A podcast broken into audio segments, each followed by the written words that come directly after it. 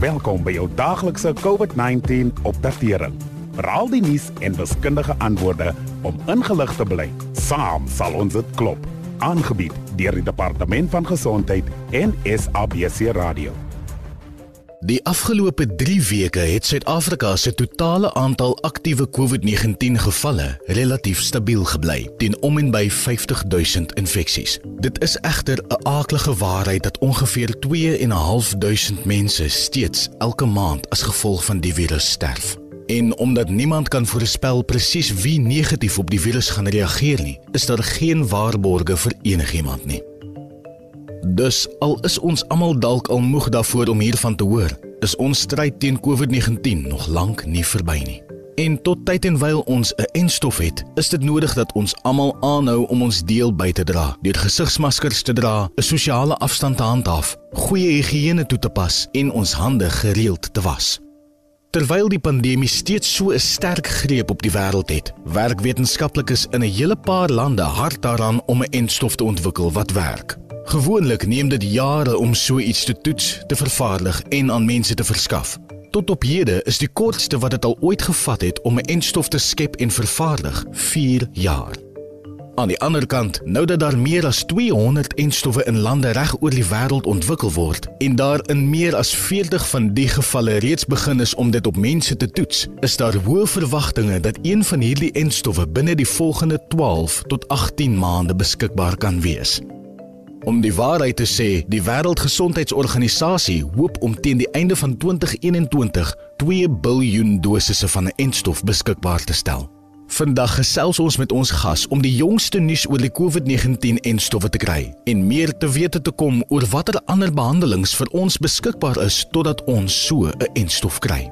Aan die einde van die insetsel kan jy ook ons Sikaba COVID-19 Facebook bladsy besoek waar jy wenke en raad sal vind vir wat die beste moontlike manier is om jou simptome by die huis te behandel.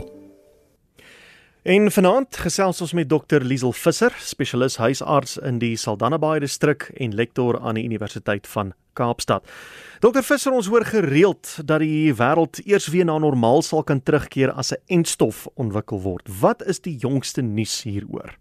Ja, ons almal hou duime vas vir 'n entstof. Daar word so wat 20 baie belowende studies reg oor die wêreld gedoen en party entstowwe is al in die fase van menslike proewe, ook hier in Suid-Afrika. Maar daar is nog geen bewese wenner nie. Dit lyk asof ons al nader aan 'n entstof kom, maar ons kort nog meer toets om die veiligheid en die doeltreffendheid te verseker. So daar is nog geen entstof wat gereed is om onder die publiek versprei te word nie. Duisende dosisse van die meer belowende enstofkandidate word reeds vervaardig sodat dit vinnig na die mees kwesbare dele van die bevolking versprei kan word sodra dit goedgekeur is.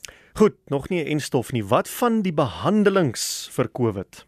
Reg oor die wêreld leer dokters en navorsers soos wat hulle aangaan en deel hulle hulle lesse met mekaar. Die mediese navorsers kyk na die virus self en die uitwerking wat dit op die liggaam het in die soeke na die mees doeltreffende manier om dit te behandel. Meer as 150 middels word getoets, waarvan die meeste reeds bestaande medikasie is, soos die antiretrovirale middel Remdesivir. Party hiervan kalmeer die immuunstelsel terwyl ander weer die virus in die liggaam aanval.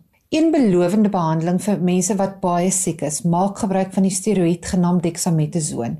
Hulle kyk ook na die gebruik van teenliggaampies van mense wat reeds van die virus herstel het om ander mense wat sukkel om gesond te word te help. En sommige maatskappye is selfs besig om sintetiese teenliggaampies te ontwikkel, maar op die oomblik is daar nog geen beproefde geneesmiddel vir COVID-19 nie. Ja, so gepraat daarvan, vir watter tipe mites moet mens oppas as dit kom by die behandeling van COVID-19? Dit is so belangrik. Ons bly hoor van nuwe sogenaamde wonderkure, maar dit word nie deur dokters of kundiges getoets of gesteun nie. Sommige huisrate bevat inderdaad 'n greintjie waarheid, maar dit is ongelukkig bedek met laag op laag skynwetenskap. So oppas net. Party van hierdie rate is eintlik baie baie gevaarlik, soos om blykmiddel of waterstofperoksied in te asem of daarmee te gorrel. Moet asseblief niks van hierdie aard doen nie. Dis giftig en kan jou of baie siek maak of selfs tot jou dood lei. En wat van algemene huisrate wat mense gebruik as hulle nie lekker voel nie? Een van die mees algemene behandelingsmites is dat baie water of suurlemoenwater COVID heeltemal kan voorkom of selfs genees. Dis nie waar nie, maar dit sal jou ten minste nie skade aandoen nie. Baie water is deel van 'n gesonde dieet, maar dit kan nie die COVID-virus wegspoel nie. Selfs nie al voeg jy suurlemoen of gemmerby nie. Ja, dit kan wel help om 'n seerkeel te streel en dit kan jou immuunstelsel 'n hupstoot gee, maar dit kan nie die COVID-virus doodmaak nie. So luister eerder wat jou dokter sê as jy met COVID gediagnoseer word of lees die departement van gesondheid se inligting oor die voorkoming en behandeling. Net vinnig om jy af te sluit, hierdie vraag kry ons verskriklik baie en soveel mense, soveel menings, kan 'n mens COVID vir 'n tweede keer kry?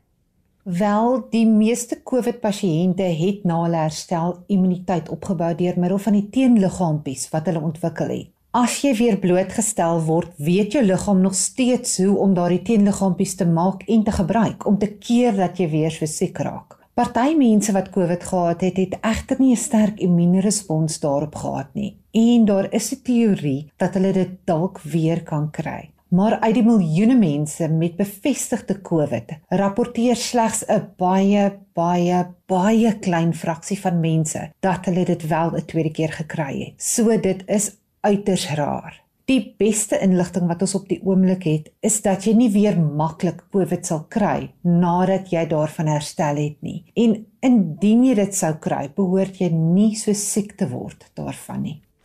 Baie dankie, dit was dokter Liesel Visser.